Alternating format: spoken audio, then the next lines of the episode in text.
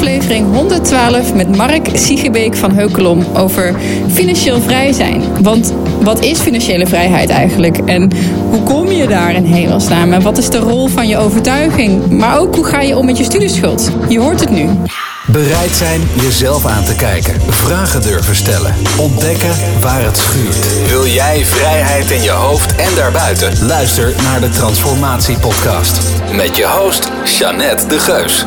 Hey, uh, volgens mij uh, moet ik jou maar eens even introduceren en de podcast gaan starten. Ja. ja. of anders dan wordt dit gewoon, uh, dit is gewoon een uh, rollend begin. Ja, zo kun je het ook zien, toch? Ik, bedoel, ik ook leuk, want we hebben elkaar natuurlijk... Ja, dat is echt gek. We hebben elkaar al twee keer gesproken. Ja. ja. Eerst over de quarter life crisis. Ik doe even yes. zo, want dan kan ik hier straks een dingetje in monteren. Oh ja. De quarter life crisis. Uh, en jouw boek, is dit het nou? Ja. Dat vond ik echt een heel tof gesprek. Toen uh, sprak ik jou over spiritualiteit en meditatie. Ja. Met wederom echt een heel vet boek. Helemaal naar de meditering. En dan denk je, oké, okay, dan gaan we nu weer over een nieuw boek hebben. Maar dat is niet zo, maar we gaan het hebben over geld. Ja. ja. Eigenlijk zou ik een soort van omgekeerde volgorde verwachten in iemand zijn... Uh, ik denk dat, ja, dus ik denk dat bij veel mensen wel zo gaat, ja. Dat, uh, dat geld eerst belangrijk is en, uh, en dan andere dingen. Maar uh, ik, ik denk bij mensen zoals ik en ook veel van, jou, van jouw luisteraars dat het juist andersom zit. Dus ik, er is ook een hele grote groep die geld maar oppervlakkig en ja, niet, niet boeiend, uh, niet interessant, uh, ook vaak moeilijk, eh, lastig, snap ik allemaal niks van, vind. Um, maar dan kan het juist ergens, als je met persoonlijke ontwikkeling bezig bent en met je eigen koers bepalen en met spiritualiteit, dan kan op een gegeven moment met beide voeten op de grond en beseffen van, oh ja, wacht even. Uh, geld is wel gewoon een, een ruilmiddel dat we allemaal gebruiken. Dan kan het ook wel zinvol zijn om dat te onderzoeken. Dus ik, ik, ik snap wat je bedoelt, maar ik denk dat voor genoeg mensen die ook juist precies andersom zitten. Ja, nee, zeker. Het was voor mij ook echt wel gewoon onderdeel van dat hele proces. Ja. Ik, ik kan echt nog, en het klinkt echt heel gek misschien, maar ik kan echt gewoon pinpointen waar bij mij uh, bepaalde kwartjes zijn gevallen. Ik, waar was dat? nou, één was in de realisatie, uh, in, het, in het woord. Um, Geld is energie. Oh ja. Currency, stroom. Weet je wel, het zit gewoon bijna in het woord. Currency, uh, stroom, energie. En toen dacht ik, uh, dat, dat was één grote. En dan ook meteen erachteraan. En het lekt dus ook ergens weg. Mooi. Mooi. Want ik kan niet ik had een mega studieschuld, weet je wel. En ik had ook een creditcard die ik af en toe gebruikte, maar ook lastig vond om... Weet je wel, ik werkte toen gewoon een loondienst. Dat je hebt gewoon normaal je salaris. Er komt dan 2000 euro netto in de maand of zo, weet je wel. Dan heb je een, gewoon een koophuis, je doet je dingetjes. Dus je hebt niet super, super, super veel bewegingsruimte. Ja. Uh, ik moest ook veel afbetalen voor mijn studieschuld. Weet je, en dan was het altijd een beetje ja, het ene gat met het andere vullen. En zo voorzichtig. En zo net een beetje je hoofd boven water kunnen houden. Als, als starter op de academische ladder, zeg maar. Ja. En dan ben je ook met een beetje ondernemerschap bezig. En je probeert er langs alle kanten om jezelf, om je financiële positie te verbeteren. Maar tegelijkertijd was daar gewoon die massive studieschuld die zo boven mijn hoofd hing. En me ook denk, ja shit, een huis kopen zat ook in de, in de weg. Dus daar kwam toen dat beseffen, oké, weet je wel, het is het, uh, geld is energie. Ergens lekt het weg, want dit, dit hangt er nog. En het kwam dan de laatste, het was een drietaps van... fuck man, ik moet hier gewoon ownership overnemen. Ja. Want ik steek gewoon basically mijn kop in het zand. Mooi, mooi. Elke keer als ik iets geld uitgeef of doe... en ik was ook gewoon lekker, weet je, aan het spenden of zo. Niet, niet mega shopaholic, maar ja, je, je, wil gewoon leuke dingen doen in het leven. Een keertje uit eten en uh, nieuwe schoenen kopen. Weet je, helemaal niet wild of zo. Maar als we ja, ik moet hier eens een keer mee beginnen. En ik kan niet steeds blijven zeggen, ah, kom wel goed. Kom morgen wel, fixen we dan ja. wel. Later heb ik een goede baan. Ja, ja, super herkenbaar. Het is wel, het is wel grappig, want je, je, je gebruikt al, je, je hebt het al over, uh, over spenden. En ehm, uh, ergens ook een kop in het zand. En dus dit, dit zijn ook een van, een van de startpunten voor mij was dat ik helder kreeg welk type ik eigenlijk ben als het gaat over, over geld uh, uitgeven. En uh, er werd uiteengezet dat, dat je drie types hebt. Je hebt spenders, savers en avoiders. Dus de spender, ik, ik ben primair volgens mij een, een spender. Dus ehm, ik weet nog dat ik toen ik een jaar of 18 was volgens mij 19, 20 jaar. Het was, het was voor mij begin studententijd ongeveer, denk ik. Of eind middelbare school, zoiets. En toen kreeg ik een legaat. Dus een, een, een, erfenis van een oud-tante. Dus een, een, klein bedrag. Ik denk dat iets van ja, 1000, 2000 euro of, of gulden. Ik weet niet eens wat het toen was. Um, maar die orde van grootte. En, en ik weet, dus hoe het toen in mijn hoofd ging, is gewoon heel typisch voor, voor hoe het voor een spender is. Namelijk, oké, uh, waar ga ik dat aan uitgeven? Weet je wel? Uh, nou, bij mij werd dat een winter. Ik ga op wintersport. Ik ga op wintersport. Dus er, was, er was geen notie van dat je er ook iets verstandigs voor de toekomst of zoiets. Het was gewoon: hé, hey, er is geld en, en ik ga er wat mee doen. En ik weet ook nog wel dat ik op een gegeven moment. begon het mij wel duidelijk te worden dat ik goed was in uitgeven. En dat ik ook wel tegen mensen. ja, ik heb een beetje een gat in mijn hand. Zo groot dat mijn vingers er bijna van afvallen. Weet je wel? En ja, ja, ja, ja, ja, ja, ja soort van trots op. Um, dus dat is echt een type dat, nou, dat, dat, waar ik mezelf goed in herken en wat ik wel, wel om me heen zie. Maar dan heb je dus ook de, um, de avoiders. En dat zijn de mensen die er eigenlijk die er überhaupt niet mee bezig zijn. Dus die zijn niet heel druk bezig met geld uitgeven. Maar die weten ook helemaal niet wat er binnenkomt. Dus doe maar wat. Ja, uh, het, weet je wel, aan het eind van de maand, elke maand past het weer. En, en sommige, daar zal de rekening groeien. Bij de meeste uh, blijft het ongeveer gelijk. Um, maar er zit, er zit vaak ook een, um, uh, een desinteresse of een notie dat het allemaal heel lastig of heel ingewikkeld is, uh, geld achter. Um, en dan is er nog een derde, en dat is wel grappig om die er dan ook bij te betrekken. En dat zijn de savers. Dus savers zijn mensen die uh, heel goed kunnen sparen, maar eigenlijk niet echt kunnen genieten van het leven. Um, en ik had een hele mooie ervaring op een gegeven moment. Dus, dus als spender kwam, ik in gesprek met een vriend van mij die saver bleek te zijn. Maar dat wisten wij nog niet zo goed van elkaar. En ik had het ook kunnen weten. Hij is, hij is heel zuinig met dingen en zo. En um, op een gegeven moment zei hij tegen me. Um, ja, Mark, ik vraag me. Weet je, ik heb wel wat gespaard en zo. Maar ik vraag me dan af of het genoeg is. En uh, hij zat een beetje over te delibereren. En ik zo, ja, gast, zeg dan gewoon even, hoeveel, weet je, hoeveel heb je gespaard dan? En dit was het moment in mijn leven dat ik nog nooit meer dan 5000 euro op een spaarrekening had gehad. Want ja, dat is zonde, weet je. Dan kon je ook leuke dingen doen, dan kon je uitgeven. Dus zo zat ik in de wedstrijd. Toen zei hij, ja, ja ik heb maar 50.000 euro. Dus ja, ik vraag, het maakt me wel eens zorgen of dat dan genoeg is. En ik zeg dan... Jij viel voor je stoel natuurlijk. What the fuck? Hoe, hoe dan echt, weet je wel? Eén, hoe kom je eraan? En... en en, want nou ja, uh, ik wist wat hij ongeveer verdiende, dus daar moest hij wel echt hard voor sparen. En twee, um, hoe kun je dan nog zorgen maken? Nou ja, dus dan gaat het. En, en dat is denk ik waarom ik het thema zo interessant vind en waarom het voor mij zo, zo ontzettend verbonden is met persoonlijke ontwikkeling. Dan kom je er dus achter dat het niet over de getallen gaat, maar over de psychologie erachter. Dus als je je nog steeds zorgen maakt met 50.000 euro op je spaarrekening, terwijl, terwijl hij had nul financiële verplichtingen, weet je wel, geen huis, geen kinderen, helemaal niks, geen plannen ook.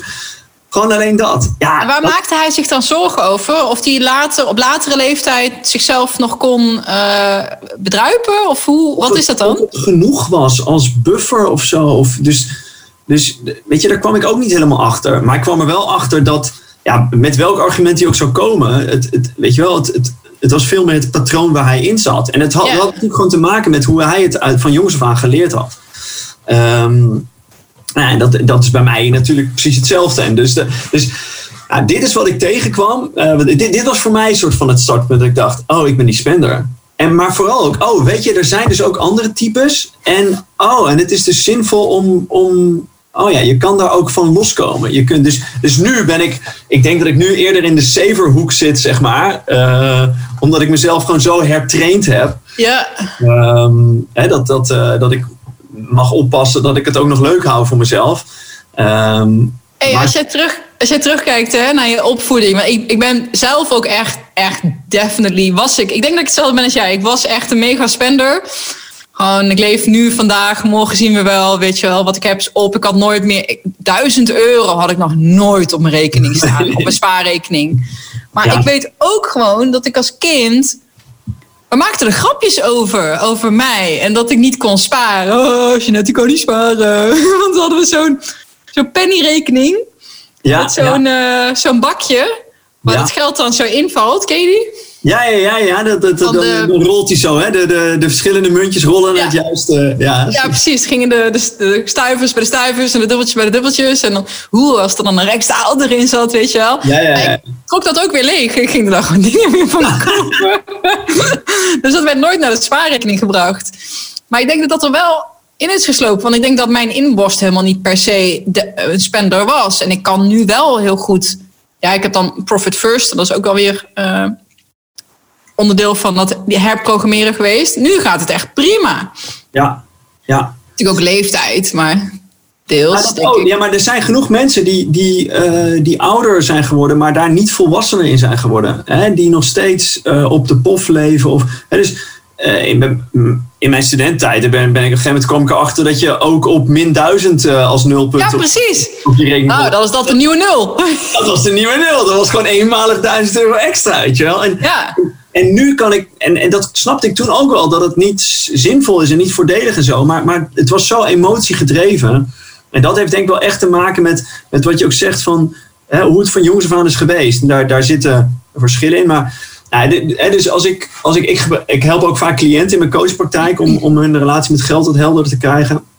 En dan zie je altijd, dus ik ga met, met, al, met hen altijd terug ook naar een van de vragen die ik hen stel. Welke, eh, wat betekende geld voor je vader? En ik laat hen altijd heel intuïtief. Hè? Dus het is oké, ik ga je zo een paar vragen stellen. En je moet gewoon eerste associatie, meteen opschrijven, je eerste ingeving. Wat betekent geld voor je vader? Bam, komt er iets. Wat betekent geld voor je moeder? Bam, komt er iets. Nou, wat je dan vaak ziet is dat ehm, eh, dat, dat direct te koppelen is aan hoe iemand op dat moment met geld zelf omgaat. Dus dit is gewoon wat je geleerd hebt. ja. En, ehm, als ik kijk naar hoe het bij mij thuis was, dan was het voor mijn vader was geld ja, gewoon totaal onbelangrijk. Dat was er van jongs af aan. Hij kwam uit een warm nest, was dat er altijd geweest. Ehm, en dan moest je vooral niet te druk om doen en gewoon lekker uitgeven. Eh, voor mijn moeder precies andersom. Dus die kwam uit een, eh, een, een, uit een ander eh, milieu. En daar moest elk dubbeltje omgekeerd worden. Dus voor mijn moeder was geld zorgen. Dus bij mij stond er: ehm, wat betekent geld voor je vader? Eh, eh, eh, ja, onbelangrijk, maakt niet uit, uitgeven. Wat betekent geld voor je moeder? Stress, zorgen, moet je goed op. En ineens dacht ik, ja, daarom heb ik zo'n verknipte relatie met geld, weet je wel. Daar, dit is gewoon die twee werelden heb ik direct meegekregen. Ehm, Wat leuk man. Mag ik die van mij, wat bij mij... Ja, wie voor een dubbeltje geboren wordt, zal nooit een kwartje... Wie voor een dubbeltje geboren is, zal nooit een kwartje worden. ja, Dat was het volgens mij voor mijn vader. En ook, nou, eh, arme, arme ouders kan je niks aan doen. Maar arme schoonouders, daar ben je zelf bij. Weet je wel, gewoon dat. nee, nee. Ja, oh, is dat zo shocking? Ja, vind ik wel. ja, ja, ja. Nee, dat, dat, dat, Maar meer dan eens dus- gehoord. Dan word je dus in je partnerkeuze aangestuurd op, eh, Ja. net op geld. Dus geld is dus een middel om je huidige situatie te kunnen eh, overstijgen. Maar dat is dus wel iets van buitenaf en waar je achteraan moet, weet je wel? Dus het is wel... Wow, maar jij hebt dus eigenlijk, hè, als je die twee eh, scripts zou volgen, dan zou je gewoon op zoek naar, gaan naar een rijke vent Ja. eh, en, en daar dan aan vastklampen. Ja, En nou, dat- dat, werd, dat werd echt wel bewust. Ja, ja, het klinkt misschien echt. Het is echt totaal niet van deze tijd, weet je wel. Maar dat werd echt wel. Ja, dat werd er wel. Dat werd wel eh, zo ben ik opgevoed. Dat heb ik nooit gedaan, maar ik heb me natuurlijk gigantisch tegen verzet. Dan, hè, geld is niet belangrijk. En eh, Ja, ik wilde niet en- sociale psychologie en ben want het was te economisch. Ik wilde niks met geld te maken hebben. maar het grappige is dus, dan ben je ook gebonden. Hè? Dus, dus eh, of je nou vol meegaat in het script dat je ouders je aanbieden, of, en dat, dat gaat niet alleen over geld, dat gaat natuurlijk met alles, of je er vol tegen verzet, dan ben je, weet je wel, dan ben je ook gebonden. Dan ben je dus, dus stel dat jij hè, een rijke vent tegenkomt die je superleuk vindt, ja, eh, dan ga je natuurlijk jezelf zeggen, dat ga ik echt niet doen, want dan doe ik precies wat mijn ouders wilden. Ja. Dan- ja, weet je, de- hoe- hoe zijn bankrekening er- eruit ziet, is een bijkomstigheid. En je vindt hem leuk, dus dan zou je hopen dat je de vrijheid voelt om wel eh, je aan hem te verbinden. Ja, dat, dat is er dan eentje. Die, is- die, die, is dan wel interessant. Dat is misschien wel herkenbaar voor degene die luisteren. En als ik dan ik denk aan me. Ik zie nog gewoon mijn moeder die dan zat te zeuren als de deur even te lang open stond. Kijk, er gaan allemaal weer dubbeltjes eh, die de deur uitrollen, weet je wel? Ja, ja, Dus eh, dat het zuinig, eh, zuinig ja, moest. ja. Dus eh, ja. Ja, dus die, die scripts zitten gewoon heel, die zitten super diep. En dat is dus helemaal niet erg, maar dat is, dat is waarom ik geld zo interessant vind ehm, eh, in het kader van persoonlijke ontwikkeling. Omdat het, het, gaat gewoon samen. En uh, ik denk dat voor mij was ook, um, ik ben op een gegeven moment als, dus voor mij is het een beetje in beweging gekomen toen ik um, uh, als zelfstandig ondernemer wat commerciële trainingen ging volgen. En die kerel die die trainingen gaf, die had gewoon ook heel veel op het gebied van geld en financiën gedaan. Um, en hij was heel spiritueel soort van ook heel onderlegd. Um, en hij, hij, wat hij heel mooi deed was, dus er zat een, een, um, een gigantische groep mensen waar, waar heel veel wel van die, beetje persoonlijk ontwikkeld junkies, mensen die zichzelf toch wel uh, best wel spiritueel vonden. en hij zei dus, dus iemand die die veel geld wil vergaren, weet je wel, die doet dat vanuit zijn ego. Dus als dat echt zo heel erg daarop gedreven is, dat is, puur en alleen ego. Zei hij keihard heeft zei, maar al jullie hier, iedereen hier die vindt van ja, geld is niet belangrijk, dat is ook ego. Dus dus dan, zit je, dan heb je ook een, een notie vroeger meegekregen van dat jij niet belangrijk bent of dat dat niet belangrijk is. Of nou ja, dat je dat maar spannend vindt. En hij wist eigenlijk, dus er liepen heel veel mensen tijdens die training liepen daar weg omdat, omdat de spiegel gewoon te groot was. Zei, ja, jullie deur. Dus dan, hij zei: Ik wil dat je nu op papier zet hoeveel je volgend jaar wilt verdienen. Het moet gewoon een getal zijn. Het moet minimaal dubbele zijn van wat het nu is. Er liepen gewoon mensen de zaal uit. Hè? Omdat ze het te confronterend vonden dat zij hun kop in het zand steken voor het thema geld. Um, en um, uh, voor mij was dat een eye-opener dat je het niet hoeft weg te zetten als iets oppervlakkigs. En maar dat het gewoon het is, volgens mij was het die Triodos reclame. Geld is fout of goed afhankelijk van wat je ermee doet. Zo, zo werkt het natuurlijk. Het is iets ja. neutraals. Het is gewoon een middel. Maar in de, in de ogen van een heleboel, vooral die spirituele hoek mensen, had het iets negatiefs gekregen. Ja. Uh, wat ook logisch is in de huidige maatschappij met heel veel graaiers, et cetera. Um, maar dat was, ik vond dat heel waardevol. En um, uh, wat, wat misschien wel het, het, uh, het, het mooiste was, ik, ik, hoor een heldje op de achtergrond. mijn, uh, mijn hormonen gaan meteen aan, gaat het goed? Ja, ik zag het. Je bent uh, goed, de papa-modus werkt. ja, exact, exact. Um, maar wat, wat ook super tof was, hij, um, hij liet ons ook een spel toen doen. Dat was echt briljant. je moest toen allemaal je moest allemaal uh, geld, gewoon fysiek geld meenemen naar die, uh, die avond van die training. Um, en dat mocht maximaal briefjes van 20 euro zijn en minimaal, geloof ik, euromunt of 2 euromunten, zoiets. En dan mocht je tussen de 20 en de 120 euro meenemen. En dan zei hij erbij: um, The more you put in, the more you will get out. And not necessarily in, in terms of money oké, okay, whatever. En um, ik moet even denken hoe het ook weer werkte. We werden in een, in een kring gezet. Uh, met z'n allen. Um, met allemaal zo'n uh, plastic bordje voor je neus. En dan moest je je geld opleggen. En toen gingen we in drie rondes gingen we dat spel spelen. En de eerste ronde was de graaironde. Dus toen, um, toen zei hij: Oké, okay, zometeen gaat de, gaat de eerste ronde van start. En dan mag je opstaan van je plek. En dan mag je gewoon bij de bordjes van andere mensen mag je geld weghalen. En, dan mag je, en dat mag je op je eigen bord leggen. Um, en het enige wat je niet mag doen is je eigen bord verdedigen. Dus je mag graaien tot en met. En dat leg je weer op je eigen bord. Maar ja, daar kunnen mensen ook weer weggraaien. Nou, briljant om te zien wat er dan ontstaat. Dus in, in mijn geval was het echt, weet je, de competitieve vakker. Die ging helemaal los, overal geld verzamelen, alles op dat bord leggen. En er waren dus ook mensen, en daar werd het duidelijk, die, die stopten. Dus die konden het, de graaierij zo slecht aan. Die vonden dat zo confronterend dat er geld bij hen werd weggehaald. En die durfden zo niet geld voor zichzelf te pakken. Die deden gewoon niet meer mee met het spel. En zei hij ook van ja, weet je, um, um, het is onderdeel van het leven. Je kan er niet mee stoppen. Dus als je dit in de, als je dit in de, in de wereld doet, dan, ja, dan kom je dus niet voor jezelf op. En hoe, hoe want oké, ik zie dat dan zo voor me. Mensen gaan graaien. Uh, maar het mag ook bij weggepakt worden. Waar eindigt het dan? Ja, dus, dus op een gegeven moment is die ronde af. Dus op een gegeven moment zei hij: Oké, okay, uh, de ronde is over. Uh, neem allemaal, ga op. Tij, tijdsgebonden of zo. Je hebt gewoon een paar minuten de tijd om dat te doen. Oké, okay, check. En um, dus ik weet nog dat, volgens mij had ik 40 euro meegenomen of zo. En ik had iets van 200 euro op het bord liggen. Ik was echt een super goede graai, weet je wel. Zo. Ja, ik ging al bedenken waar je dat aan uit ging geven. Ik was helemaal blij met mezelf. Maar toen kwamen er nog twee rondes. En toen, ehm, eh, en toen werd het voor mij echt leerzaam, want ronde 2 was weggeven. Dus bij ronde 2 deed je het precies hetzelfde. Dan ging je met jouw geld ging je dat eh, eh, aan mensen weg. En je mocht het zelf helemaal zelf bepalen. Ehm, en, en zo kon je dus ook geld krijgen.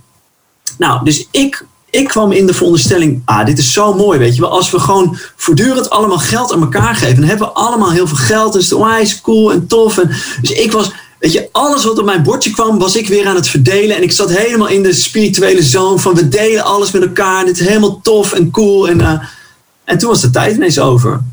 En toen zat ik eens op te letten, zag ik dat er ook mensen zaten die gewoon alleen maar aan het ontvangen waren, die niet aan het teruggeven waren.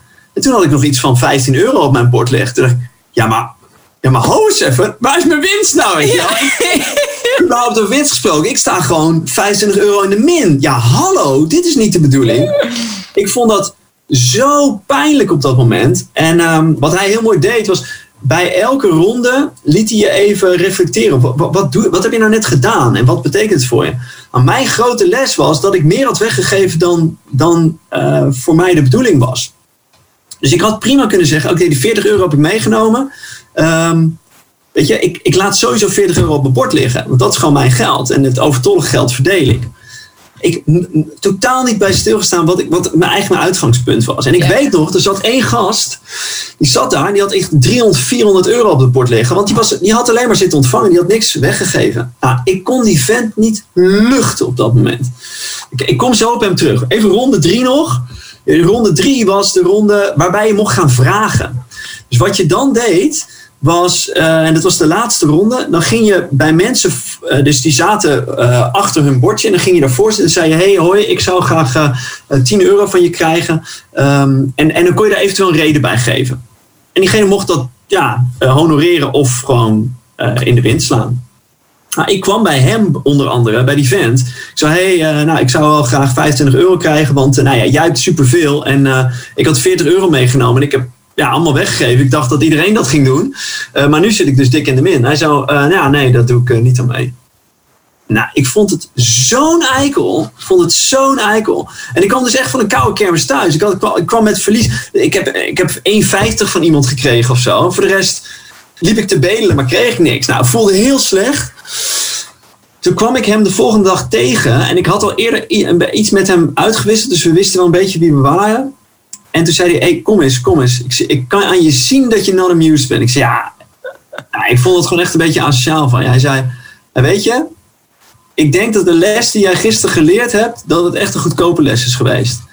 Ehm, ik heb een onderneming gehad met een compagnon. Daar heb ik 20.000 euro in gestopt en hij is met de Noorderzon vertrokken. Dus die les die jij gisteren geleerd hebt voor 25 euro, die heb, daar heb ik 20.000 voor moeten betalen. Ja, en er zijn mensen die betalen meer dan 20.000 euro. En dat soort, die ken ik ook persoonlijk, ja.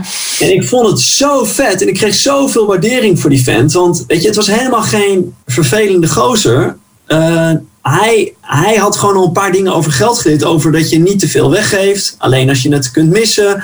Ehm, eh, nou, dat je best een beetje En dat je nee mag zeggen als er iets gevraagd pakken. Dat je nee mag zeggen. Dus hij had eigenlijk al allemaal dingen geleerd. En ik vond het een eikel tot en met. Maar hij liet me ook zien van ja, weet je... ehm, ga maar eens even met jezelf aan het werk. Ja, maar dat is interessant. Waarom vind je hem een eikel? Want hij doet niks fout. Nee, hij handelde precies binnen de regels. Maar ik Ja. had bepaalde normen in mijn hoofd over hoe je met elkaar over gemeenschappelijk Precies. goed omgaat.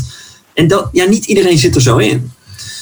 Dus ehm, eh, ja, er, er zit zoveel onder, er zit zoveel achter. Dus we hebben allemaal een relatie met geld. En dat, en dat veel mensen weten dat niet eens. Mm. Dus ik wist niet dat ik, weet je wel, dat het uitgeven, ehm, eh, eh, wat, voor, wat ik voor mezelf kan doen, dat gat in mijn hand, dat spenden, dat ik dat dus ook naar anderen, oh, ik ga iedereen even helpen. Dat ik dan ook voorbij mijn eigen grenzen ga. Ja, Oh, nou, 25 euro voor zo'n lesje is niet zoveel, weet je wel. Dat is, ja nee. Dat, oh, holy shit. Ik zou willen dat die voor mij zo goedkoop was geweest. Wa- Wat is jouw eh, duurste les geweest? ik denk mijn studieschuld. Oh ja, Dat is wel echt een hele gro- grote. Maar ik had gewoon eh 55.000 euro studieschuld. ja. Ja, En, ik eh, van, eh, Dat, is een les die, eh, die 20 jaar duurde, zeg maar. Voordat, of 10 jaar, voordat hij echt binnenkwam. ja, hij is nu bijna weg. Ik ben ik Ja. ook wel heel erg trots op.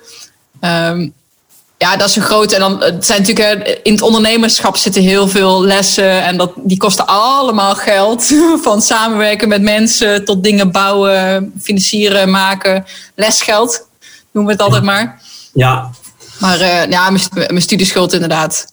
Dat is gewoon. eh, en, na, en En wat is de les, Jeanette? Dus wat, wat heb je geleerd? het ownership nemen in het moment. Ja, komt wel. Komt morgen wel. ja. Weet je wel? Ik heb het nu goed en ach, het kan. En eh, Oh ja.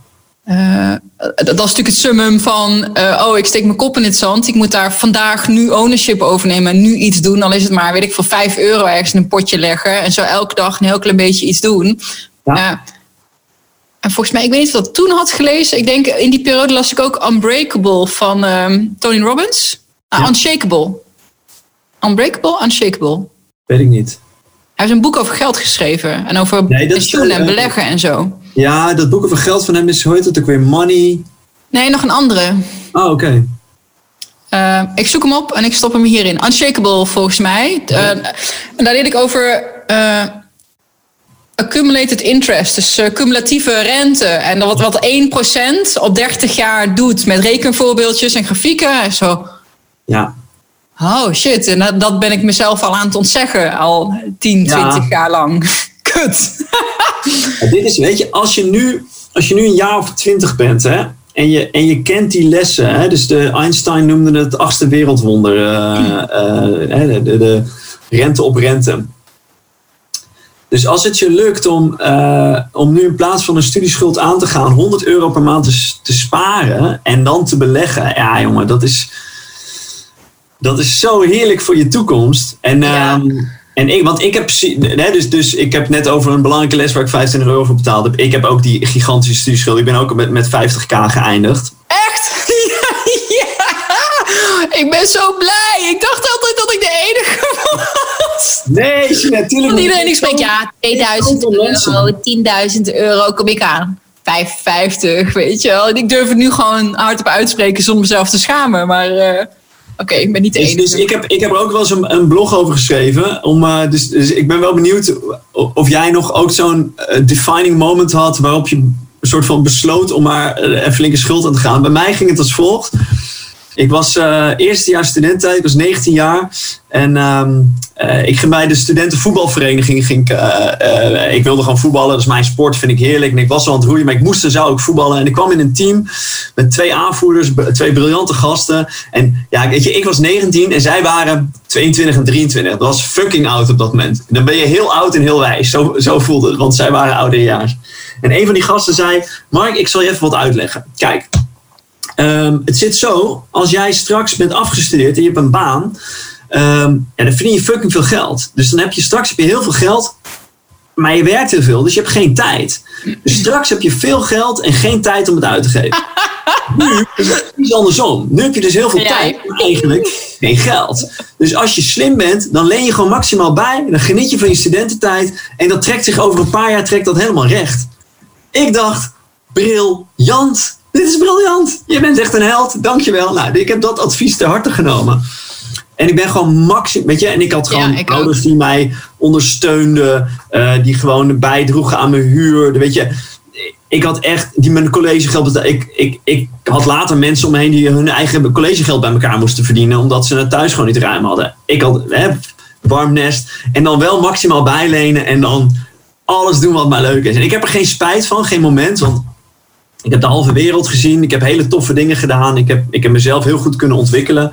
Ehm, eh, maar, weet je wel, zijn, zijn notie, ja, dat was niet helemaal waar. Want, want ik zou voortdurend keuzes maken die, die gingen over niet knetterveel geld verdienen, maar dingen doen die ik belangrijk en leuk en interessant vond. Ehm, dus ja, het was gewoon een wat, wat kortzichtig advies. En eh, later dacht ik echt, oh ja, Weet je wel, dat was echt maar één visie erop, maar één, eh, maar één eh, manier van kijken. Ah, interessant dat jij toch zegt dat je er geen spijt van hebt. Want als ik hem op mezelf terugreflecteer, ik, ik exact hetzelfde.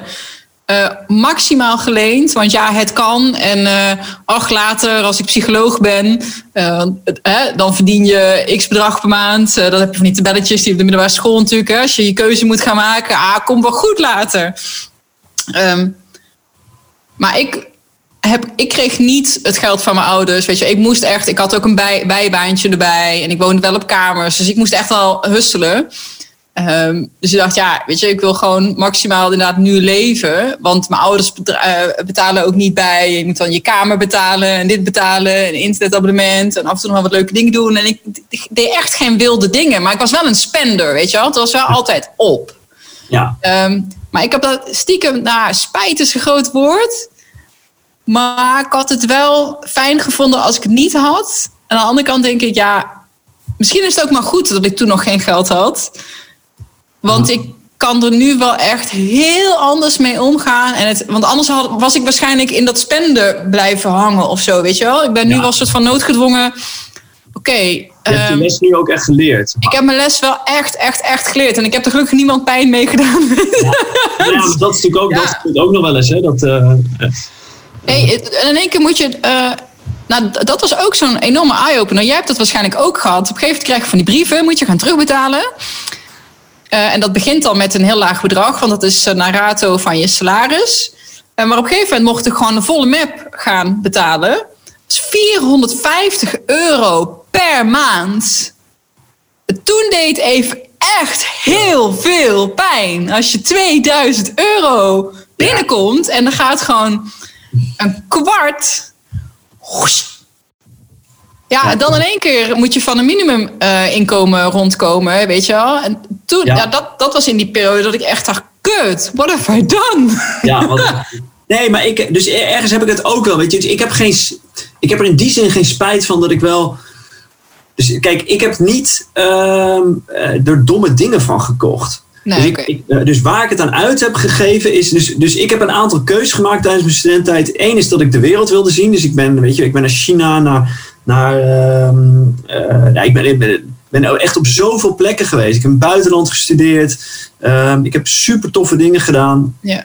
Uh, dus, dus ik heb op geen geen moment heb ik spijt van waar ik dan. Ik, ik heb niet, weet je, dure merkkleding of, of dingen die gewoon meteen in een beetje voorschot genomen. Zo zie ik het voor mezelf ook. Ik moet gewoon stoppen met voorschot te nemen. Dat was het. Gewoon ownership nemen. Niet meer een voorschot nemen op, oh, weet je wel, nee. Ik moet het nu zien te fixen met wat ik nu heb.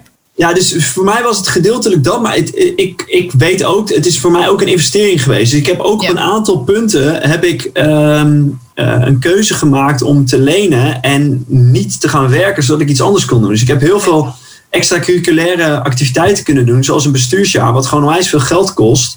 Ehm, maar wat me later wel heel veel opgeleverd heeft, toen al in groei, maar later ook in kansen en mogelijkheden op de arbeidsmarkt en noem maar op. Dus ik kan ook wel zien dat als ik, als ik het niet zo had aangepakt, dan had het er nu misschien anders uitgezien. Maar als ik kijk naar mijn broertje die um, met amper studieschuld eruit kwam, omdat hij zijn hele studententijd gewerkt had. En gewoon hele toffe bijbaantjes. Die was bergverkoper op een gegeven moment. En die kwam met de meest briljante verhalen altijd aan. Ik dacht, oh ja, weet je wel, dat had ook gekund. Ja. En toen ik uiteindelijk wel ging werken tijdens mijn studententijd, vond ik ook super toffe baantjes. Ik heb nog bij briefopbestelling.nl gewerkt. Moest ik gewoon sollicitatiebrieven voor mensen schrijven. Ja, weet je, briljante dingen meegemaakt. Uh, dus, dus het is ergens geen spijt en ergens ook wel een beetje. Had het ook wel anders gekund. Ja. ja. Hey, ik wil even naar je, je, je training, want daar hebben we het eigenlijk nog helemaal niet ja. over gehad. Want je hebt een, um, dat, dat wel niet een boek, maar wel fascinatie met geld. En er ook een, ja. training uh, rondom gemaakt. Die heb ik ook inmiddels ook bekeken. En die heet uh, Bekostig je ideale levensstijl.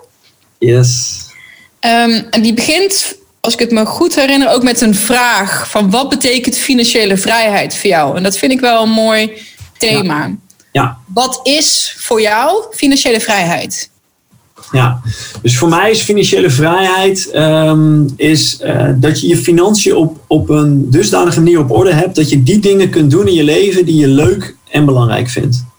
Dus dat je um, niet tot in veel mindere mate keuzes hoeft te maken op basis van geld.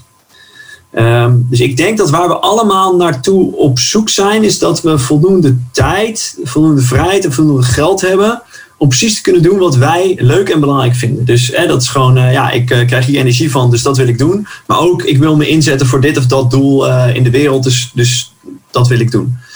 En um, voor veel mensen, veel mensen bereiken dat punt pas met hun pensioen. Dat ze de, de tijd, de vrijheid en het geld hebben om precies te kunnen doen wat ze willen. En dat vind ik gewoon extreem zonde. Dus ik geloof dat je op zijn minst kunt nastreven om op een eerder punt in je leven financiële vrijheid te hebben. En dat je uh, ja, gewoon in vrijheid die keuzes kunt maken. Nou, wat dan een, een handige uh, soort van rekensom is. Dus, dus wat, wat is dan financiële vrijheid? Um, een handige definitie die, die mij geholpen heeft is. Je, dus financiële vrijheid is wanneer je leefstijlkosten gelijk staan aan je passieve inkomen. Dus als jij passief geld binnenkrijgt, dus waar je niet echt wat voor hoeft te doen, en dat is evenveel als wat jouw leefstijl je op dat moment kost, dan ben je financieel vrij. Dan kun je dus elke maand je huur betalen, je, je boterham smeren, noem maar op, van geld dat toch al wel binnenkomt. Nou, um, dat klinkt wel natuurlijk als een soort van ideaal uh, scenario passief inkomen is ook een beetje zo, hoe, weet je, bestaat dat überhaupt wel echt? Ja, ja, nee, dus dat is het absoluut. En ik denk dat het belangrijk is dat je. Um, uh, dus, dus financiële vrijheid is iets groter, hè, maar om, om gewoon om een, een, op een eerste manier eraan te snuffelen. Hè, dus dit, dit snapt iedereen. Oh ja, weet je, dus als. Maar, en, en het zou zelfs kunnen dat passief inkomen dat het op een gegeven moment um, gewoon basisinkomen is. En dus dat we dat allemaal krijgen. Dat we, het, dat we gewoon kappen met het hele UWV-gebouw en al het geld wat UWV kost. Dat we gewoon iedereen 1000 euro per maand geven. En dat je gewoon al weet, oké, mijn huur bijvoorbeeld hè, en mijn boodschappen, dat, it's taken care of. Daar hoef ik me in ieder geval niet druk om te maken. Nou, dan kun je natuurlijk veel makkelijker de keuzes maken die jij belangrijk vindt. Um, nou, om, om, uh, ja, dus, dus passief inkomen is een onderdeel, denk ik, van, uh, van financiële vrijheid. Het kan in ieder geval heel veel helpen. Maar ook het, bijvoorbeeld het hebben van een buffer. Um, he, dus weten als mijn baan nu stopt, of als ik nu zelf stop met mijn baan, dan kan ik minimaal een jaar leven zonder, weet je wel, van mijn spaarrekening. Ja, wat is daar de golden standard? Want soms hoor ik, oh, je moet drie maanden, uh, soms hoor ik zes maanden, soms hoor ik mensen zeggen, nee, ik wil uh, een jaar of twee of drie jaar. Is daar een beetje, wat is de, de gouden standaard van hoeveel buffer moet je hebben? Ik, de, de, de, weet je, die meningen verschillen erover, maar uh, het hangt natuurlijk ook van je persoonlijke situatie af. Dus uh, als jij ondernemer bent, uh, ZZP'er die soms opdrachten heeft, soms niet, dan heb je een wat grotere buffer nodig. En want dan weet je, mijn inkomsten kunnen eens wegvallen. Als jij een loondienstbaan hebt in een branche en bij een organisatie waar je het idee hebt dat het dat, dat kijk, je, je hebt nooit zekerheid. Elk bedrijf kan omvallen. Je kunt altijd ontslagen worden. Maar als jij redelijkerwijs kunt aanzien dat, of kunt inzien dat de kans dat je je baan verliest echt minimaal is, ja, dan heb je al een wat kleinere buffer nodig. Helemaal als je je werk ook leuk vindt. Um, maar het is, um, uh, het is, het is niet genoeg. Uh, dus, dus, dus alleen maar een buffer hebben, uh, dat zie ik ook in de coachpraktijk. Dus ik begeleid, de, mensen melden zich bij mij als ze uh, vaak met de, de vraag worstelen, ja, wat ik nu doe vind ik in ieder geval niet meer leuk, maar ik weet ook niet wat, wat wel. Nou, ik ga hen helpen om dat te, te uit te vinden. En ja, bij ongeveer de helft is op een gegeven moment geld gewoon een issue. Dan zeggen ze ja, maar ja, ik kan echt niet mijn baan opzeggen, want ik verdien goed. En, ja, dus, dus als je in die situatie zit, dan is het zo belangrijk. Dan ga ik altijd met hen kijken naar um, hoe kun je meer grip krijgen op je financiën. Dus daar zitten, ik, ik werk veel met avoiders. Mensen met een uh, goede baan ergens in het bedrijfsleven. Komt genoeg binnen, gaat genoeg uit, geen idee hoeveel. Ja, als je dan ineens, weet je, als je daar ineens mee wil kappen, als die, als die baan niet meer leuk is, dan heb je dus een probleem. Um, want je weet helemaal niet wat erin komt, wat eruit gaat, hoeveel er overblijft, of er wat overblijft, uh, of je nou eigenlijk een buffer hebt opgebouwd. Nou, dan is het belangrijk om, um, om grip te gaan, uh, te gaan krijgen erover. Um, we moeten nog iets over passief inkomen zeggen. Dat is misschien wel. Uh... Ja, ja, het was een vraag. Wat is dat dan? Weet je, wat kan passief inkomen genereren? Ik zag uh, in je training ook dat, dat je ook een dingetje erover had. Over een soort van side job of side hustle. Of hoe je kan zorgen dat er toch, zeg maar, uh, nog extra geld binnenkomt. Ja. Nou, misschien is het wel leuk om te, te beginnen bij. ehm, ja, laten we, la- eh, als je het oké vindt, laten we op een, even een ander startpunt van. Weet je, waarom is het zo belangrijk? Dus ehm, ik ben altijd met persoonlijke ontwikkeling bezig geweest. En op een bepaald punt kwam ik dus ook tegen het thema geld aan. En eh, dus dit is een soort van de holy grail, hè, dat passief inkomen in. in, in, in Ja, precies. Dan denken, dan zeggen wel mensen, ja, dat kan helemaal niet. En, eh, en dan denk ik ook, ja, echt, echt, echt 100% passief. Weet je, je moet toch altijd wel iets doen. Behalve, denk ik, als je gaat beleggen. Maar zelfs dan is er nog een stukje actie van jou nodig. Eh, Nee, maar goed, dus, ja. dus ik denk, weet je, dat is een goede nuancering. Dus, dus la- laten we daar zo inderdaad op terugkomen. Maar even voor, vooral voor mensen voor wie het nieuw is, om, om er een beeld van te krijgen.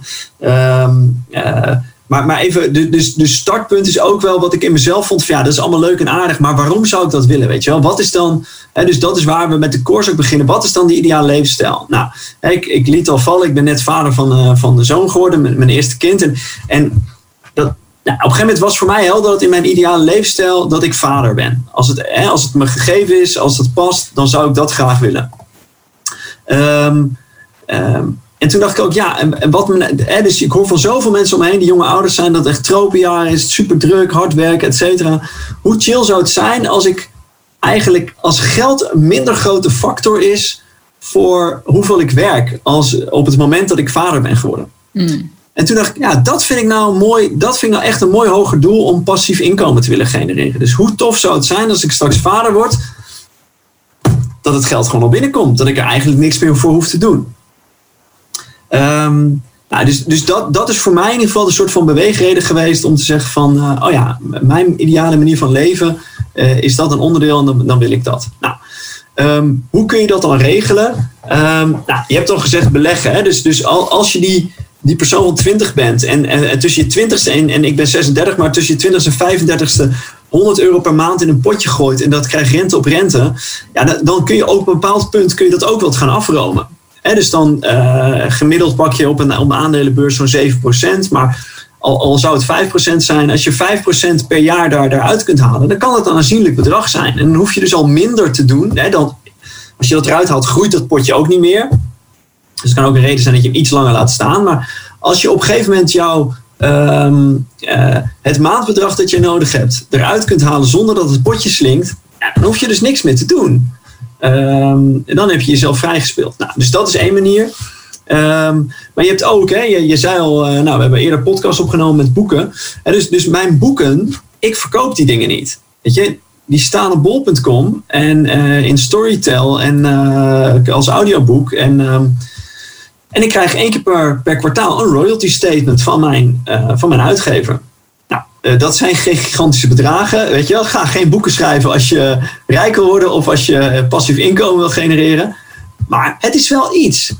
Dus ehm, ik merk dat ik het ergens het, naast dat, dat ik er gewoon profijt van heb, dat ik dus nu, ik ben niet daar. Hè, eh, dus de, ambitie die ik ooit had van als ik dan een kind krijg, dan wil ik helemaal eh, financieel vrij zijn.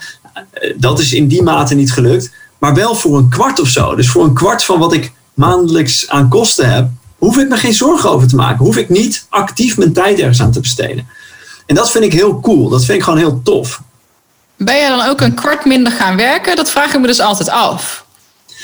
Ja, weet je wat daar lastig aan is? Dus dat is een hele goede vraag. En, en corona gooit gewoon zoveel roet in het eten om die vraag goed te beantwoorden. Want dat is gewoon wat het afgelopen half jaar heeft, eh, drie kwart jaar heeft gespeeld.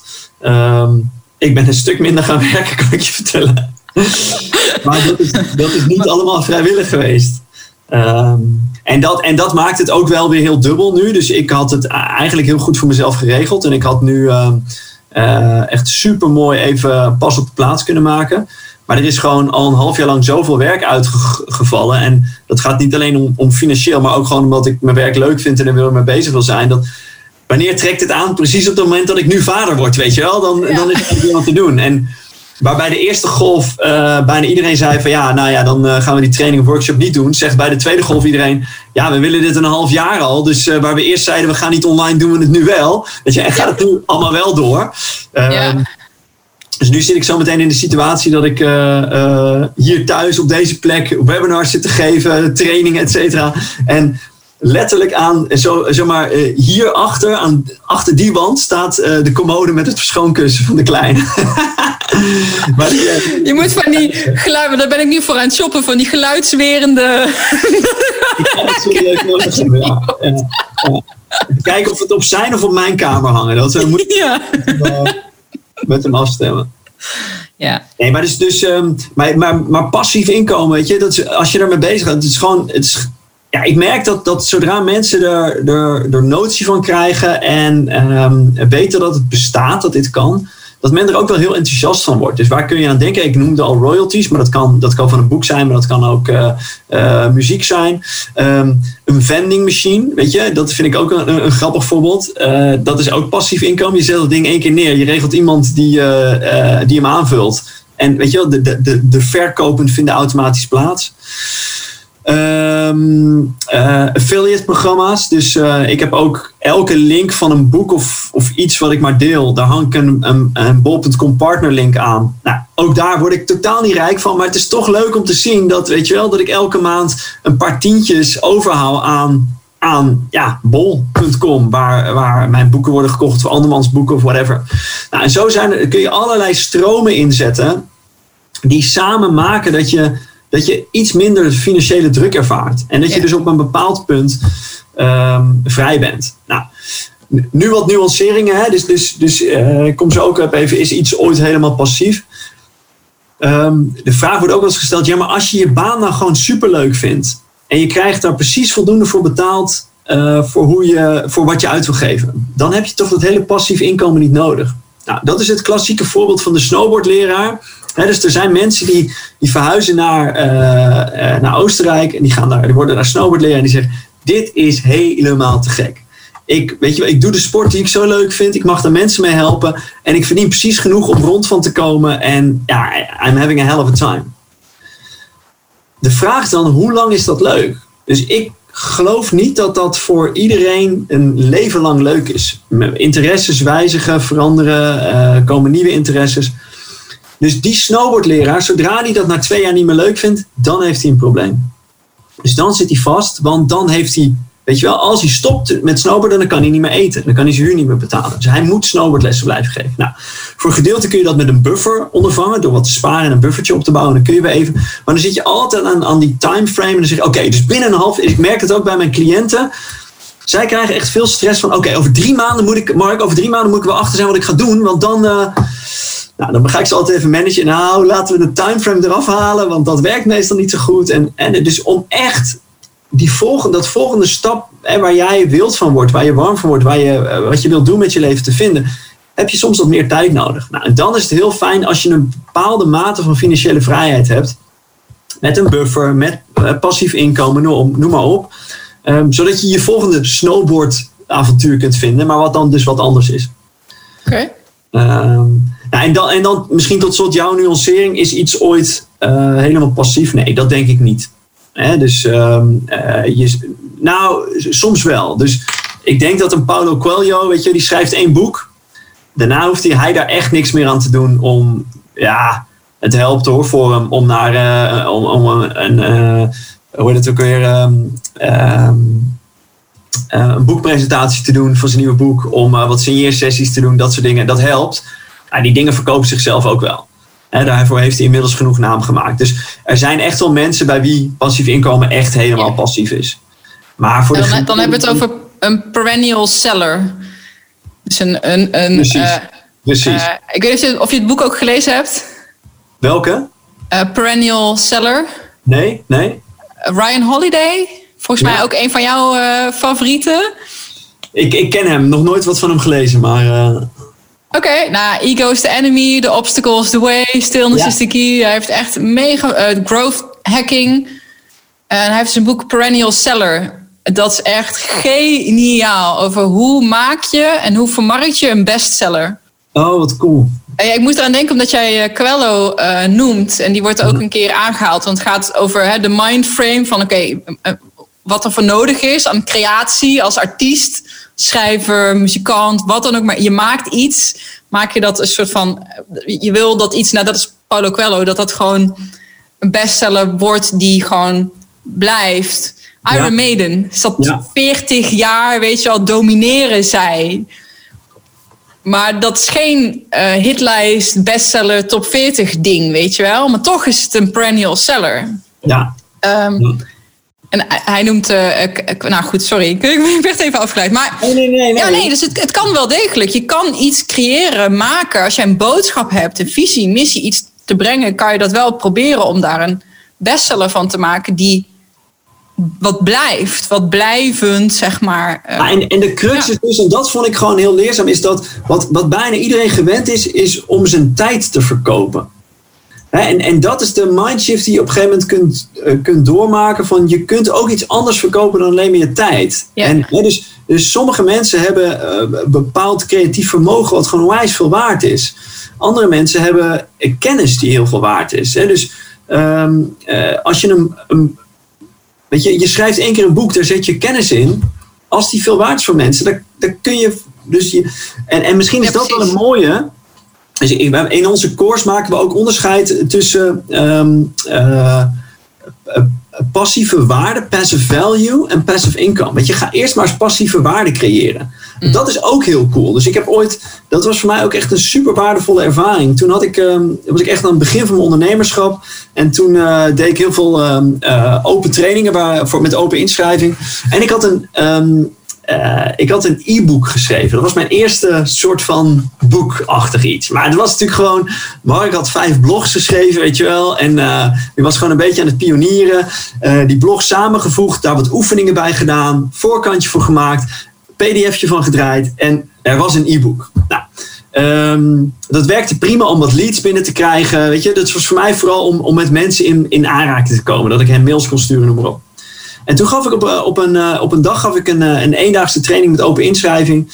En in de pauze komt er een gast naar me toe en zegt: Hey Mark, ik, eh, superleuk de ochtend al. Ik vermaak me uitstekend, super waardevol. En ik wil je ook nog teruggeven. Ik, ik had jouw e-book gevonden, heb ik gedownload. En ehm, het is zo, ik ben, vorig jaar in een burn-out terechtgekomen. En december was echt mijn diepste, zwaarste, zwartste maand. Ik zat echt best wel diep in het dal. En precies toen vond ik je e-book. En ik ben eigenlijk samen met jouw e-book ben ik uit mijn, uit mijn burn-out gekrabbeld. En ik zat echt zo. Oh, oké, cool. Weet je wel, leuk voor je. En ik rond het af en ik. En daarna dacht ik, nou, hoe kan dit nou? Weet je wel, ik, ik heb gewoon een paar dingetjes opgeschreven. En hij is met die informatie uit zijn burn-out gekrabbeld. Dat was, dus wat ik daar had gedaan, was passieve waarde gecreëerd. Ik had één keer wat inzichten die voor mij van waarde waren op papier gezet, samengevoegd. En hij vond dat. Dus ik was in die decembermaand was ik hem aan het helpen op een heel zwaar moment in zijn terwijl ik het zelf niet eens door had.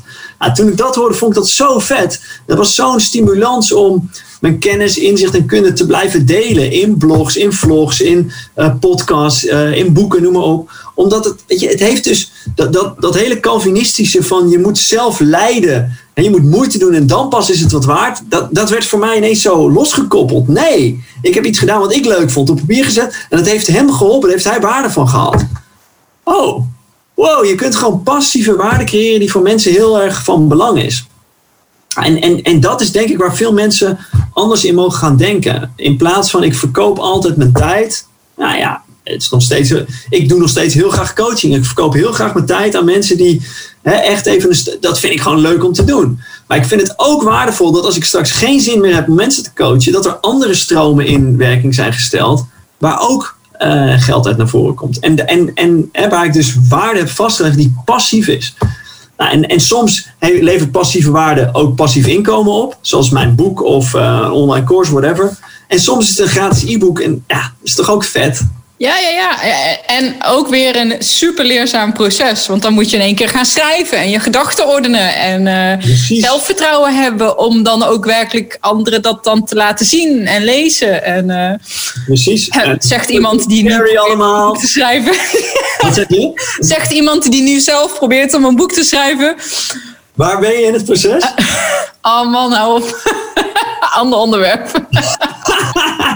Het is- nee, Jeanette, het is ook goed om kwetsbaar te zijn in je eigen podcast. Nee, het is geniaal. Maar het, het is nu vooral gewoon eh, ehm, een kwestie van prioriteiten stellen. Want er is Ja. genoeg eh, creativiteit en inzicht. Maar er zijn zoveel eh, dingen die aan me plukken. Ik weet even niet waar we precies de podcast hebben gestart. Maar had het, voordat we begonnen over het volgende grote project. Uh, plus 12 waves en de podcast. Weet je wel, het is uh, zoeken naar tijd. Ja. Maar het proces zelf gaat op zich wel redelijk goed. Maar misschien is het ook maar goed dat ik wat meer tijd nodig heb. Dat het wat, ik probeer gewoon elke dag een uur erin te stoppen. Dat ik wel in de flow blijf. Nou, dat is bijvoorbeeld al een week niet gelukt. En ook daar moet ik me dan weer. En dan moet ik weer laten zien wat ik in twee weken heb gedaan. Want zo heb ik het afgesproken. En dan denk ik echt, oh nee, het is echt oh, chaos. Niet kijken, er niks van vinden alsjeblieft. Want het is veel te weinig. Uh, nou, dus dat ja, super herkenbaar. En uh, uh, wat mij in het verleden wel geholpen heeft, was gewoon dat boek Prio 1 maken. En gewoon een, een, week lang, twee weken lang. Ik begon vaak, met allebei mijn boeken ben ik gewoon begonnen met een retreat van, een, van drie of vier weken. En alleen maar daarmee bezig. En dan had ik tenminste een kickstart. Dat zou ik, uh, ik denk dat ik dat voor mezelf even, nou niet, ik heb uh, over vijf weken heb ik een operatie. En dat is dan een beetje zo, ja, dat ga ik dan maar aangrijpen om een soort van pauzemoment uh, in te lassen. Weet je, ja, dat is een mooi moment om dan te zeggen, oké, weet je, al het andere, nothing else matters. Ik kan nu toch niet zo heel veel meer laat ik dan in ieder geval uh, mijn tijd daar nu aan gaan besteden. Ja, dit is ook zo herkenbaar. Dus dit is ook volgens mij, ik weet niet of je het herkent, maar dit is ook die ondernemersvalkuil van um, uh, jezelf nooit rust kunnen bieden. Dus ik heb, corona heeft mij een soort van verplichte rust gegeven.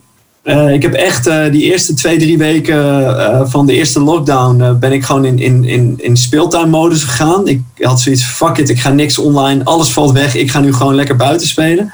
Maar de, de keer daarvoor dat het me lukte om niks te hoeven van mezelf, was toen ik aan mijn knie geopereerd Ja. En dat, dat vond ik zo erg om toen te constateren dat ik dus een operatie nodig had om soort van uit te gaan.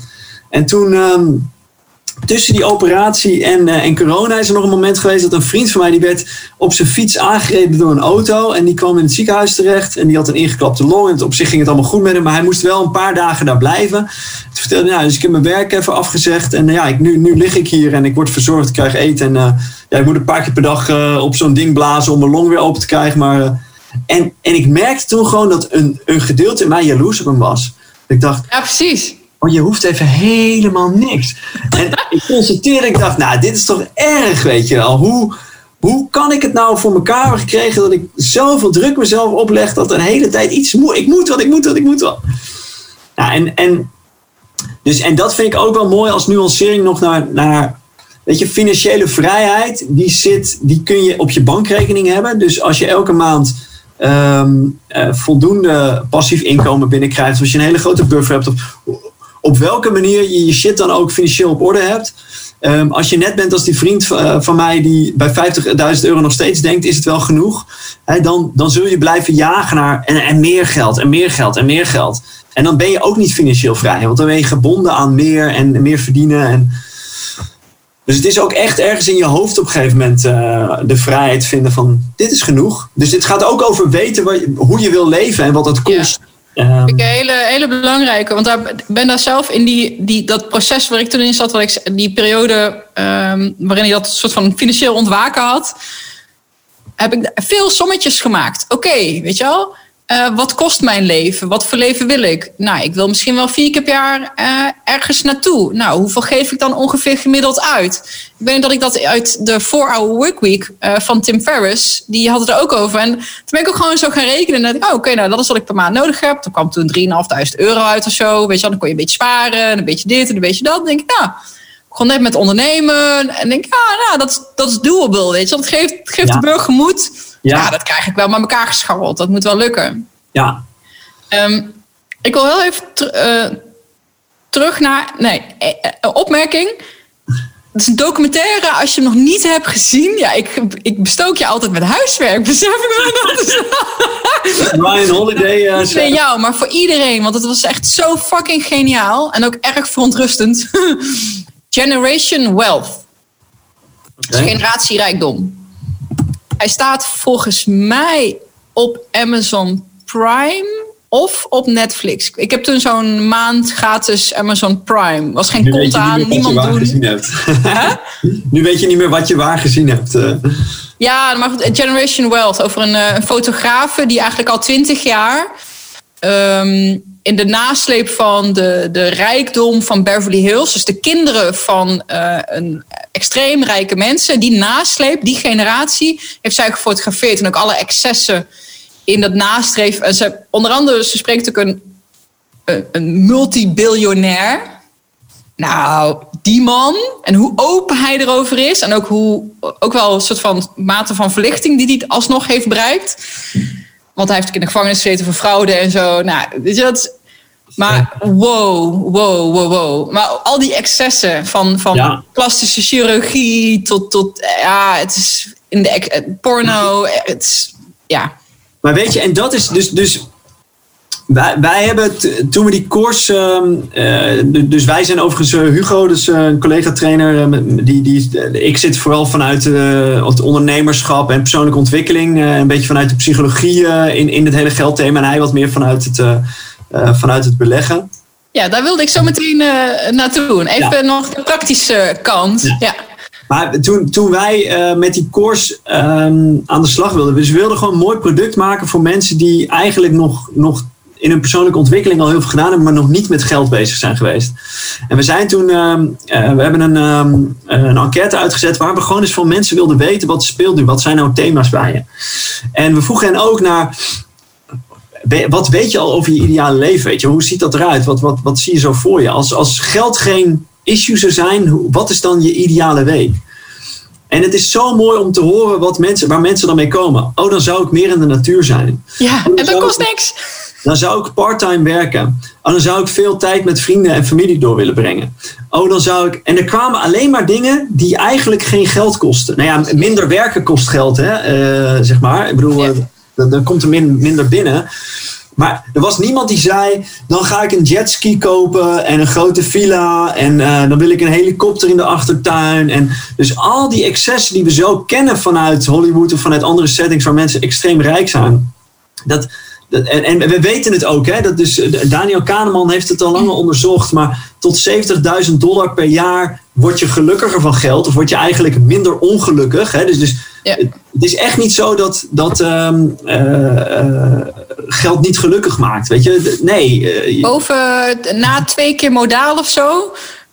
neemt het niet significant toe, hè, je geluksniveau. Dan is het, gewoon, ja, line, weet je wel. Dus, het, het, dus, dus te weinig geld geeft zorgen. Dus zodra die zorgen wegvallen, word je gelukkig. En op een gegeven moment is, is meer geld levert niet meer, hè, dus meer geld zo levert niet meer geluk op die kant op. Ja. Um, en, en er zijn zelfs modellen die het zo laten zien dat op een gegeven moment meer geld je geluk weer afneemt. Dat je allerlei ja, want dan komt er een nieuw soort van stress. Het, Wat moet ik met dat angst om het kwijt te raken. Raken. ja, ze willen het van me jatten of ja. Uh, nou ja, whatever. Um, en, en dat vonden wij zo, dat van 150 jonge mensen eigenlijk, weet je, er was bijna niemand die zei van, uh, uh, oh, dan ga ik hele luxe dingen doen. En... Ja, maar heel even, dat is ook wel een beetje sociaal wenselijk. Of een soort van selectie bias. Want ik weet zeker, als. Uh, ah, misschien is het ook wel een beetje de tijdsgeest of zo. Dat we ook niet meer voor die luxe durven gaan. Of dat we wel beseffen van ja, weet je wel, dat is niet meer helemaal hip om nu extreme luxe te wensen voor jezelf. Ja, nee, dat, dus, dus, dus weet je, dat is dat hele minimalism en zo, wat, wat er gewoon tegenwoordig ook wel yeah. Um, maar het is. Wat wij mensen uiteindelijk laten doen, is, is die, die twee baselines laten, laten uitrekenen voor zichzelf. Dus wat is een soort van ideale levensstijl minimaal? Weet je, wat, wat, heb je, wat heb je minimaal nodig om gewoon lekker te kunnen leven en je niet te veel zorgen om geld te maken? En dan laten we mensen ook graag nog even dromen over, weet je wel, en dan als het nou wel wat excessiever is, hoe ziet het er dan uit? Dus, nou weet je, in het ene geval zegt iemand van nou, met, met 1500, 2000 euro per maand, zo, ja, dan, weet je, dan hoef ik eigenlijk nergens meer druk om te maken. Oh ja, en, en de grote versie dan, uh, ja, dan verdien ik 5000 euro, want dan kan ik ook op reis en dan... Ja, precies. Ja, ja tof. Nou, weet je wel, maar er zijn weinig mensen die zeggen, dan moet ik echt uh, uh, 15.000 euro per maand verdienen. Uh, weet je, en hoe, want ik, ik ben heel benieuwd naar een stukje praktijk. Want als ik even terugdenk naar mezelf. ik woonde toen in een rijtjeshuis. Nou, of dat nou koop of huur is. Je zit ergens, je hebt ergens een vage wens. Oh, weet je wel, in het groen, wonen in het groen en achteraf. En dan zie je zo'n huis. Nou, dat kost dan vier, vijf, zes ton, weet je wel. Uh, nou, laat het 3,5 zijn. Dat was ook echt zo van a long way from where I was. Weet je wel? Dat is echt, oh, holy fucking shit. Hoe krijg ik dat in hemelsnaam gefinancierd, weet je wel? Um, dus even helemaal, hoe ga je hoe doorbreek je eigenlijk een beetje het patroon waar je in zit? Want je zit gewoon vast, weet je wel. Je zit op een soort van uh, evenwicht. Hè? Want je gaat dicht, het, gaat, het gaat niet valikant mis. Je, je, je, het lukt net om de boel uh, drit te houden. Het gaat niet goed, het gaat niet slecht. Nee. Naar zo van, oh, maar ik wil een sprong maken. Ik wil beter met geld omgaan. En ik heb ook wel een droom die best wel duur is. Een ander huis, een, een boot, weet ik veel. dus, dus, dus het begin. Nou, ja. Het begin, eh, wat, wat mij betreft, hoe wij het aanpakken, is die psychologie. Dus eerst maar eens onderzoeken wat is mijn relatie met geld. Dus als je niet weet hoe je het nu doet, dan wordt het ook moeilijk om er los van te komen. Nou, daar hebben we het al even kort over gehad, dus die, die, die kunnen we even parkeren. Maar ja. begin met dat te onderzoeken. De stap daarna is money management. Dus wij noemen dat de zeven stappen van zorgeloos geldbeheer. Of de zeven potten van zorgeloos geldbeheer. Dus eh, weet je, dit vinden mensen meestal niet zo leuk. Ehm, maar het is veel minder stom. Sterker, het is eigenlijk best wel leuk als je er eenmaal in um, dus je, je zult ergens grip op je huidige financiën moeten pakken. Dus gaan uitzoeken wat er nou inkomt en uitgaat elke maand. En daarop gaan budgetteren. Nou, budgetteren is het saaiste woord dat er ongeveer bestaat. Maar met de manier waarop wij, waarop wij het doen, kost het eigenlijk weinig tijd en werkt het heel goed. Dus um, uh, nou, ik heb mijn portemonnee nu even niet hier, maar ik, ik heb gewoon, uh, en dat is wat ik mensen ook aanraad, ik heb gewoon, um, ik, ik betaal mezelf uit als ondernemer. Hè, dus ik, ik maak, maandelijks maak ik een bedrag aan mezelf vanuit mijn onderneming over naar, mezelf. Ik betaal mezelf salaris. En dat heb ik in percentages verdeeld. Dus bijvoorbeeld, dan moet ik het goed zeggen, ja, 10% van wat ik elke maand aan mezelf uitkeer, dat gaat naar um, uh, mijn rekening uh, van de ASM-bank. Want dat is mijn fun potje. Dus dat potje, dat, um, dat moet elke maand leeg. Um, en ik mag fundingen niet van andere potjes betalen. Uh, dus ik heb uh, mijn, op mijn ABN-rekening, daar, komt, uh, mijn, daar komen mijn gewone uitgaven, dus mijn vaste lasten, maar ook mijn boodschappen, dat soort dingen, die betaal ik daarvan. Um, de, dat is mijn spendrekening. En, um, en daarvoor mag ik dus geen leuke dingen doen. Nou, een enkele keer gebeurt dat wel eens, maar dan moet ik het meteen aan mezelf terug overmaken.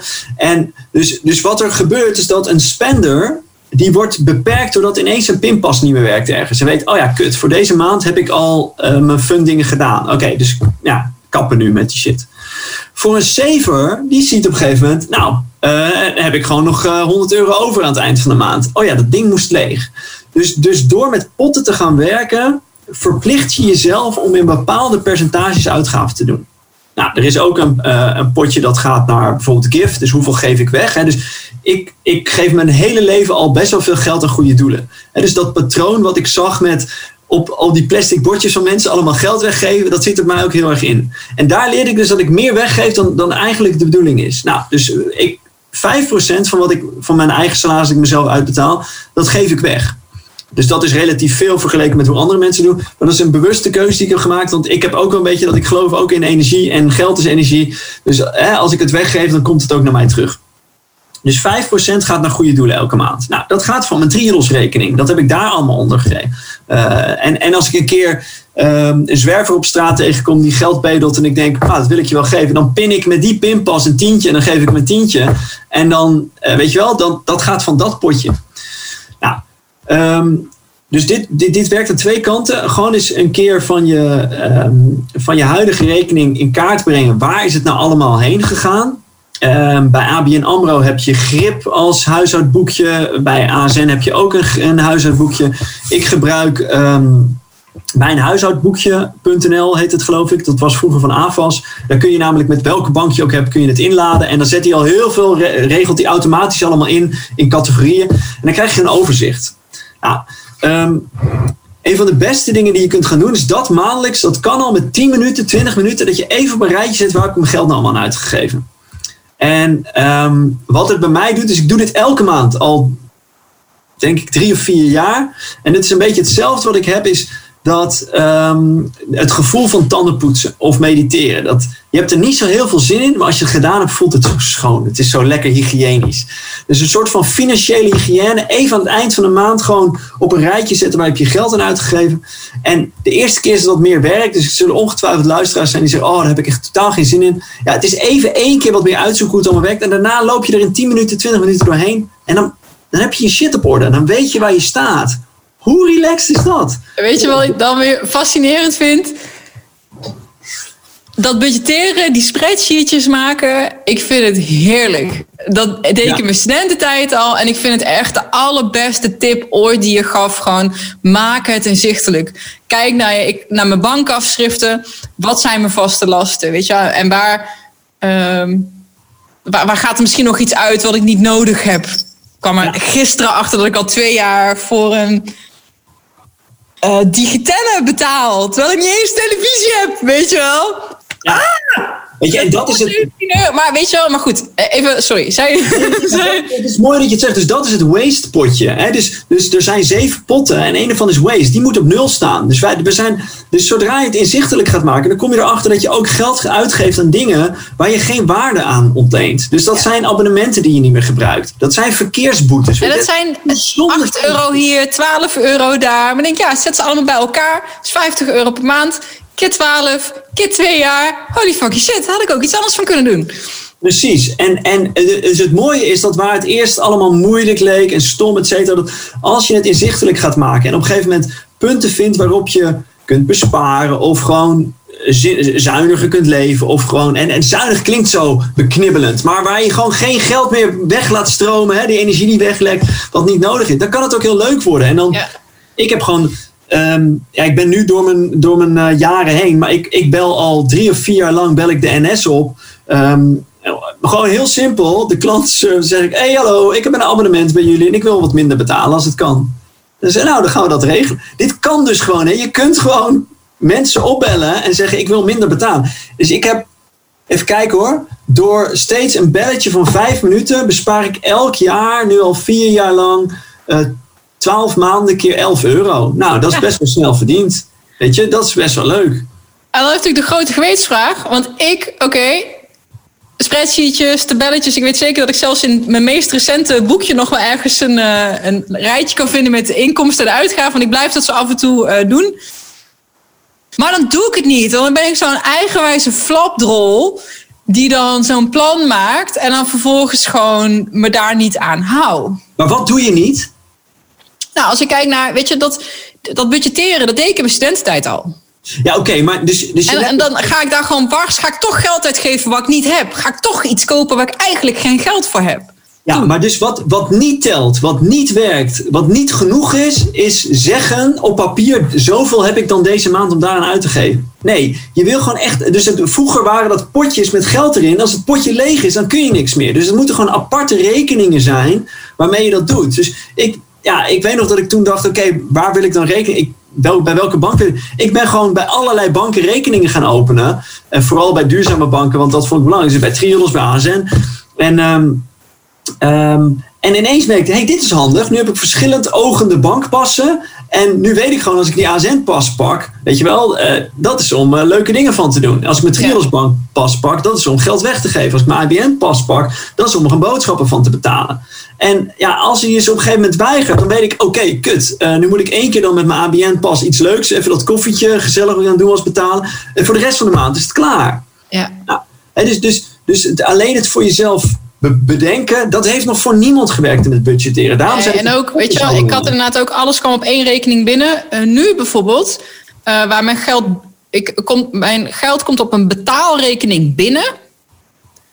Eh, en ik heb een tweede betaalrekening geopend waarvan ik een pinpas heb. Dus ik heb geen pinpas Ah. van daar waar het binnenkomt. Hè? Want soms wordt er in één keer een grote factuur betaald. Of eh, ja, als ondernemer zijn, dan gaat het met horten en stoten. Kan het in één keer heel veel zijn en helemaal nul zijn. Ja, Uh, maar ook als gewoon je salaris binnenkomt, weet je, dan denk je aan het begin van de maand denk je, oh yes, dat was bij mij ook, oh yes, 2000 euro, nou, ik kan ongeveer deze maand 300 euro aan leuke dingen. En voor je het weet is er 500 euro opgegaan. Uh, en kom je dus in, in, in de knoei met andere dingen. Dus ik heb gewoon een aparte rekening inderdaad. Van oké, en dit is mijn eh, wat jij doet, hè? Dus een potje. Deze 250 euro staat op deze. Hier heb ik een pinpas van. En anders heb ik gewoon pech. Ik, en Ja. ik heb het ook niet in het schermpje op de app. Ik wil niet zien hoeveel geld ik heb. Ik wil alleen zien wat ik nog kan uitgeven. Nou, en dus, dus de, voor ondernemers, hè, echt, je, je betaal jezelf een salaris. Want anders, anders is het niet te doen. Dus Ja, dat doe ik dus inderdaad ook, ja. op mijn zakelijke rekening, precies hetzelfde als jij, daar komt gewoon met, met horten en stoten komt er geld binnen.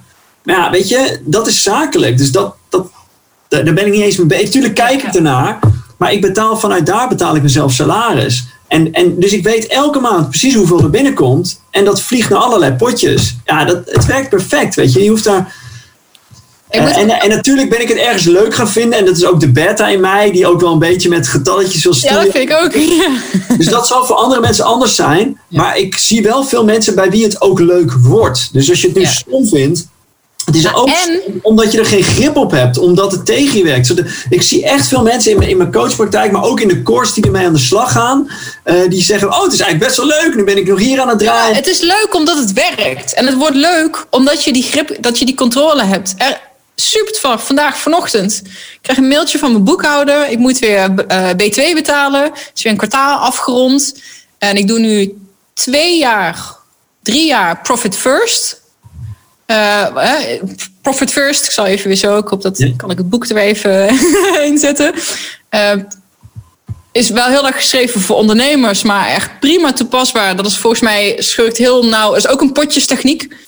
Uh, alleen niet zozeer voor, hè, voor gezinnen. Het er nog met Femke ook over gehad. Wat zonder dat je eigenlijk niet een boek hebt voor gewoon de, de, de, de niet-ondernemers, zeg maar. Ja. Maar ik doe dat dus drie jaar. En laat ook gewoon blind. Alles wat er binnenkomt is een sleutel. Zoveel procent gaat gedaan toe, zoveel procent gedaan toe. Zonder te kijken. En ik betaal mezelf salaris uit. En daar heb ik ook weer eens wat sleutels wat jij hebt. Ja. Het werkt perfect. Maar het duurt even. Dat moet, hè, dat moet gaan rijpen. Dat, eigenlijk is het mijn, mijn, mijn penny spaarrekening waar we het er straks Ja, over hadden. Maar dan Precies. digitaal. Ehm, en vanochtend moesten we dus B2 betalen. Nou, ik, ik kwam 90 euro tekort. Maar goed, het was eh 3100 euro. 3160 euro. Ja. Had ik gewoon, weet je wel, dat was drie jaar terug, was het gewoon paniek geweest. Van kut, want dan had ik het waarschijnlijk ergens te veel uitgegeven, of mezelf rijk gerekend, of een investering gedaan, of iets. En nu was het zo, oh, nou, dat heb ik, heb ik klaarstaan, want daar heb ik gewoon helemaal voorzien. Eh, en da- en dat, dat geeft wel echt zo van, ah, yes. Dat Niet is- dat ik rijk ben, maar gewoon wat fijn, weet je wel. Dat, dat, dat, is, dan- en dat, vind ik, dat vind ik zo leuk dat je het zegt, want dat is waar. Kijk, ik ben, ik ben, ik ben ook niet rijk, weet je wel. Ehm, maar, maar de cliënten in de koers zijn ook niet rijk. Maar de, de Nee. kleine overwinningen vind ik geweldig. Dus ik zal, zal even kijken, maar ik kreeg laatst, en ik mocht dat van haar ook gebruiken, zo'n mooie comment van iemand. Ehm, wat zei ze nou ook alweer?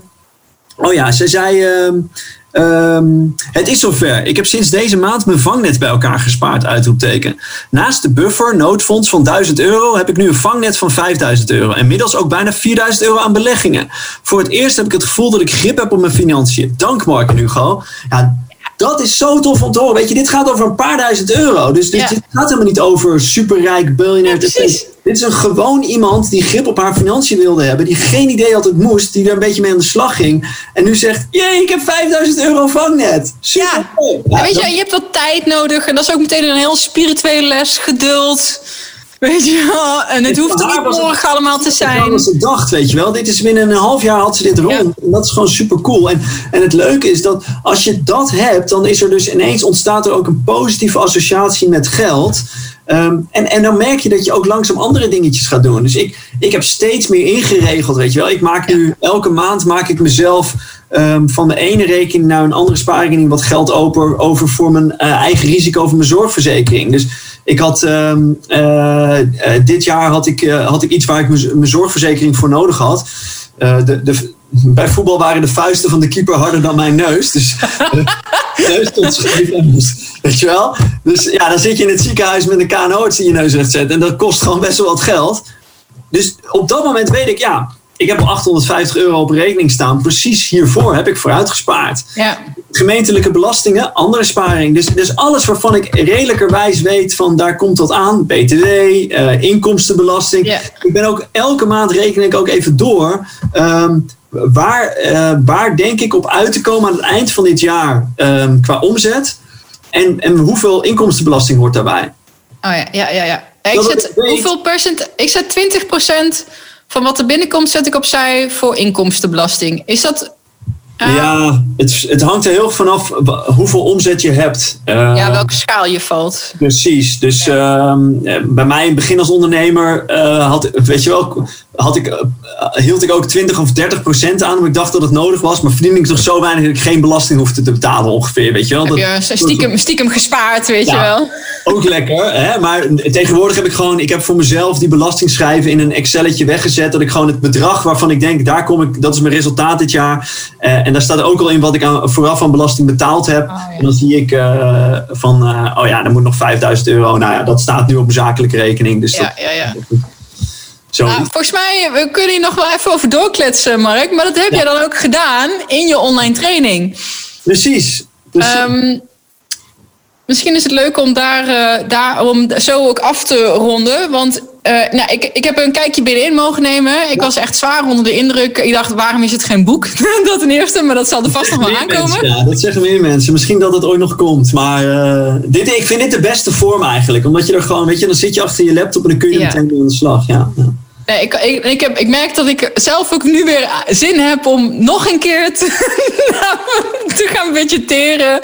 Ja. Eh, terwijl het al best wel. het- eh, ja, het kan natuurlijk altijd weer optimaler en beter. Maar het is, het is leuk om hiermee bezig te zijn. En je kan echt met een paar minuutjes, weet je wel. En het werkt door. Het is geen weggegooide tijd om hier. Eh, want dit kan niet mislukken. Weet je, als ondernemer zijnde, je probeert wat en is het wel levensvatbaar of niet. Maar je financiën op orde krijgen, dat is gewoon een fucking goede investering van je tijd. Dat, En ja. van je geld ook, weet je. En wij durven, dus we, hebben ook een niet goed geld teruggarantie. En we, we durven ook soort van te claimen dat je dat het geld dat het kost om aan die course mee te doen, je verdient het gewoon terug. Ja. Weet je, door, doordat je Wat kost die? krijgt om, eh, het kost 347 euro. Ehm, en via jou, dus als mensen via de, jouw link eh, meedoen, dan krijgen ze 100 euro korting. Dus ben je 247 euro kwijt. Ja, ik zal Ja. zorgen dat de link sowieso eh, Ja. hier in eh, beeld komt, ergens. Oh, dan Ja. hoop ik niet dat hij de hele tijd dan daar zit. Want dan ben ik echt als een idioot aan de verkeerde kant aan het wijzen. Maar ik, ik ga hem in de, als mensen luisteren, ik ga hem in de, de show notes, in de aantekeningen zetten. Ja, dus we hadden afgesproken, ik, ik heb een kortingscode en eh, daarmee kunnen mensen met 100 euro korting.